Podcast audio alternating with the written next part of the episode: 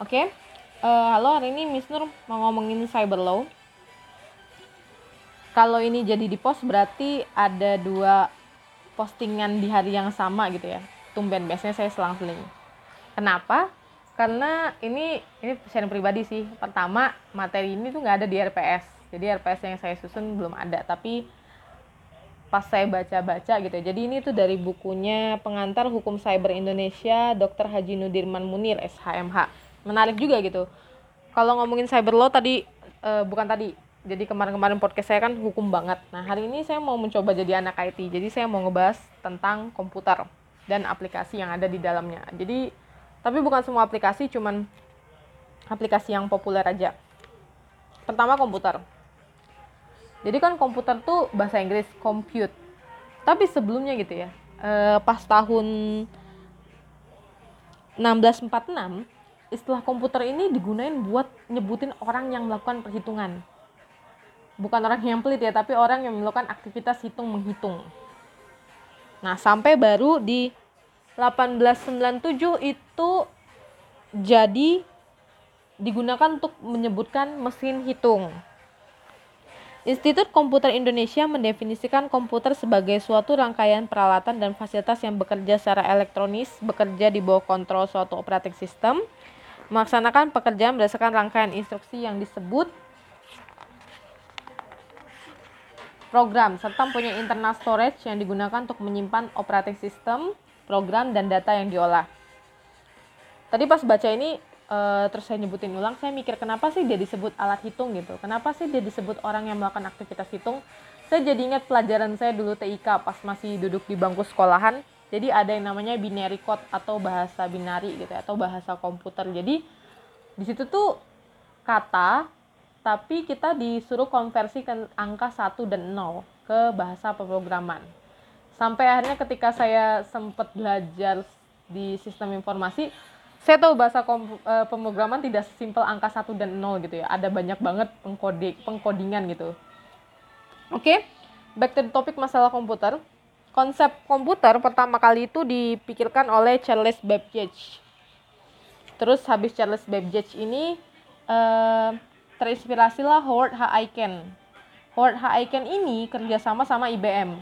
IBM ini adalah perusahaan, uh, saya paling ingat pas tadi pertama kali baca IBM itu disket uh, silakan line 2000 orang yang lahir di tahun segitu mungkin udah jarang lihat disket atau nggak tahu disket itu bentuk seperti apa bisa dicari di internet gitu ya. Jadi nama komputernya itu Mark One. Oke. Okay. di sini komputer bisa dibagi dalam beberapa generasi. Dimulai dari generasi pertama mesin hitung 1617 sampai 1937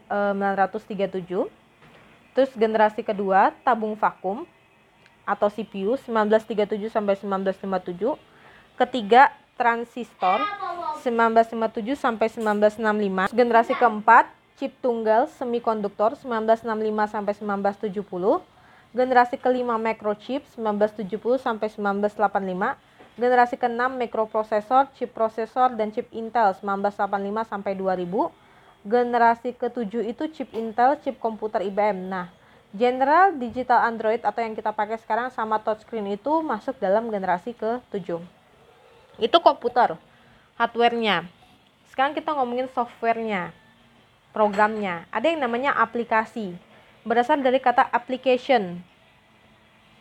E, secara ilmu hukum cyber, istilah aplikasi adalah suatu program siap pakai yang digunakan untuk melaksanakan suatu fungsi bagi pengguna atau aplikator lain yang dapat digunakan untuk suatu keinginan atau suatu kehendak tertentu. Beberapa bentuk program aplikasi. Word processing, pengolah kata, contohnya Microsoft Word. Desktop publishing, mengatur tata letak cetakan, contohnya PageMaker. Program spreadsheet yang mengolah data dalam bentuk kolom, contohnya Microsoft Excel. Database Management System, uh, ini pengolahan, contohnya adalah Microsoft Access. Graphics, ini yang mengolah gambar, Contohnya Corel Draw atau Photoshop. Program akuntansi masa, e, berhubungan dengan keuangan. Statistik mengolah data yang berhubungan dengan analisa statistik. Contohnya SAS, SPS, Statistika. Communication. Contohnya Crosstalk. Berkomunikasi dengan pemakai komputer lainnya. Multimedia. menghubungkan komputer dengan peralatan multimedia, contohnya Microsoft Video, game, ah, nggak perlu jelasin lagi, antivirus, digunakan untuk mendeteksi dan menghilangkan virus yang tertular pada komputer, contoh McAfee, Norton, FVG, Avast, dan banyak lagi. Oke, itu beberapa aplikasi. Sekarang saya nyebutin beberapa aplikasi yang erat banget sama kehidupan kita sehari-hari, aplikasi yang ada di dunia internet. Satu, Facebook. Penemunya eh, Mark Elliot Zuckerberg. Konsep awalnya dia jejaring sosial skala kecil di lingkungan kampus. Perkembangannya mulai dari tahun 2003, eh, namanya, ah, jadi awal mulanya itu namanya facemask.com, terus ada facebook.com di 2004, sampai akhirnya uh, dari situsnya selesai kurang lebih 24 jam itu bahkan ada 1200 mahasiswa gitu Harvard ya di Harvard. Karena kan dia awalnya jajarin kampus yang mendaftarkan. Terus akhirnya di uh, ke notice nih sama co-founder dari Napster Sean Parker dan akhirnya dapat investasi sebesar 500 US dollar 500 ribu US dollar. Akhirnya the facebook.com ganti wajah di tentang 2005 sampai 2009 jadi facebook.com yang kita lihat kayak sekarang. Terus mulailah ada film yang the social network dokumentasinya. Dan akhirnya merambah ke aplikasi lain. Beli WhatsApp beli Instagram dan terus juga sempat buat mesin uh, pencari namanya di Grab oke itu Facebook yang kedua WhatsApp. Ada dua penemunya, Brian Acton sama Jen Combe. Mereka ini dulunya sebelumnya adalah pekerja di Yahoo. Udah 20 tahun kerja, akhirnya mereka kita buat aplikasi sendiri deh. Ide awalnya itu ada dari Jan Combe yang punya ide untuk menciptakan aplikasi yang bisa membroadcast status ketika seseorang tidak dapat dihubungi karena alasan tertentu. Didirikan pada tahun 2009, dibeli Facebook pada tahun 2014. WhatsApp memungkinkan kita bertukar pesan tanpa menggunakan pulsa. Jadi dia guna jaringan internet. Oke, itu WhatsApp. Lanjut ke Google. Mesin pencari terkemuka. Kalau kata para mahasiswa gitu, terpujilah Google yang membuat skripsi dan karya ilmiah kita lainnya mudah diselesaikan. Google itu ditemuin sama dua orang, Larry Page sama Sergey Brin. Jadi awalnya adalah proyek penelitian dua mahasiswa PhD di Universitas Stanford pada tahun 1996. Pas tahun pas tahun 2001 mekanisme pemeringkatan Google, PageRank diberikan hak paten Amerika Serikat. Jadi konsep awal mereka adalah mesin pencari yang berdasarkan analisis matematika hubungan antara situs-situs web akan memberikan hasil yang lebih akurat. Setelah Google ada Yahoo Yahoo um, didirikan oleh dua alumni Stanford juga, Jerry Yang Chin Hyun sama David Philo. Yahoo pada awalnya hanyalah semacam bookmark, petunjuk halaman buku. Ide ini berasal pada bulan April 1994. Saat itu dua orang alumni mendapat liburan ketika profesor mereka pergi keluar kota karena cuti besar. Dua mahasiswa teknik tersebut hanya mempunyai sedikit pekerja, hanya mempunyai sedikit pekerjaan yang harus dilakukan selain menjelajah internet. Mereka tidak bukan tidak membutuhkan waktu lama untuk mengkompilasi sebuah daftar bookmark yang besar yang dikelompokkan berdasarkan subjek. Jadi itu ide awalnya hanya untuk menandai. Baru sampainya Yahoo berkembang seperti sekarang. Masuk ke aplikasi selanjutnya, Twitter. Jack Dorsey, pengembang web dari pengusaha Amerika Serikat, pendiri serta CEO Square, layanan pembayaran pada perangkat seluler. Pada tahun 2008, ia dinobatkan oleh MIT Technology Review TR35 sebagai salah satu dan 35 inovator paling bersinar di dunia berusia di bawah 35 tahun. Uh, Twitter ini basisnya di San Francisco. Twitter adalah layanan jejaring sosial dan mikroblog daring yang memungkinkan penggunanya untuk mengirim dan membaca pesan berbasis teks hingga 140 karakter. Didirikan pada Maret 2006. Line. Penemunya itu ada Lee Hae-jin. Sarjana teknik di Seoul uh, di Seoul mana sih pronunciationnya Seoul oke okay lah Seoul National University berbangsa Korea Selatan memulai karirnya di Samsung SDS anak usaha dari Samsung Group Line adalah sebuah aplikasi pengirim pesan yang dapat digunakan pada berbagai platform seperti smartphone, tablet, dan komputer.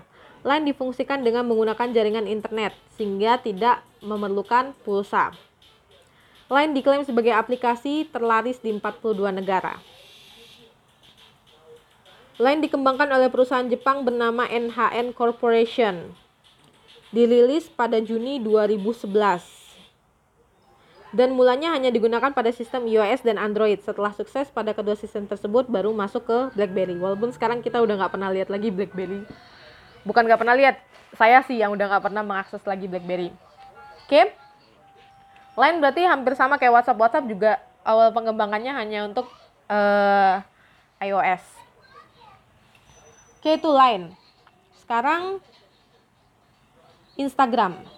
Aplikasi berbagi foto yang memungkinkan pengguna mengambil foto, menerapkan filter digital, dan membagikan ke berbagai layanan jaringan sosial. CEO-nya ada Kevin Stais, Kevin Systrom dan Mike Krieger. Dia adalah CEO. Tadi saya udah bilang ya CEO.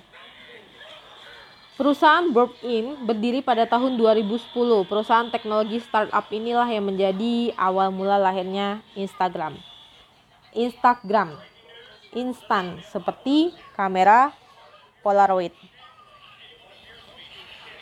Jadi uh, tadi saya bilang pendirinya ini si Kevin Systrom, pemrogram komputer dan pengusaha internet. Kalau Mike Krieger ini adalah insinyur perangkat lunak asal Brazil. Oke, itu oh Instagram ini ada dibilang Instagram dibeli Facebook pada eh, 2012 dengan nilai sekitar 1 miliar. YouTube 14 Februari 2005, pendirinya ada San Mateo,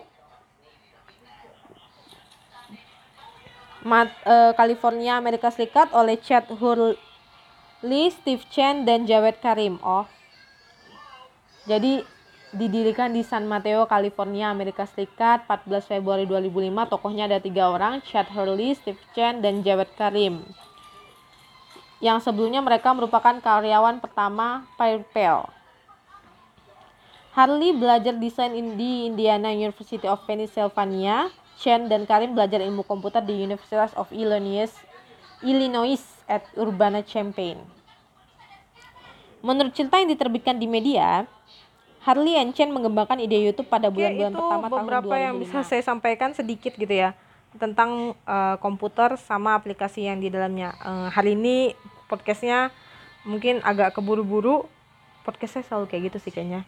Tapi hari ini gitu ada distraction jadi kalau misalnya di podcast kalian dengar suara anak kecil percayalah itu bukan mistis tapi emang ponakan saya aja yang lagi ada di uh, ruangan yang sama dengan saya dan sedikit banyak gitu ya menghambat penyampaian podcast. Oke, semoga podcast saya bisa bermanfaat. Terima kasih sudah mendengarkan.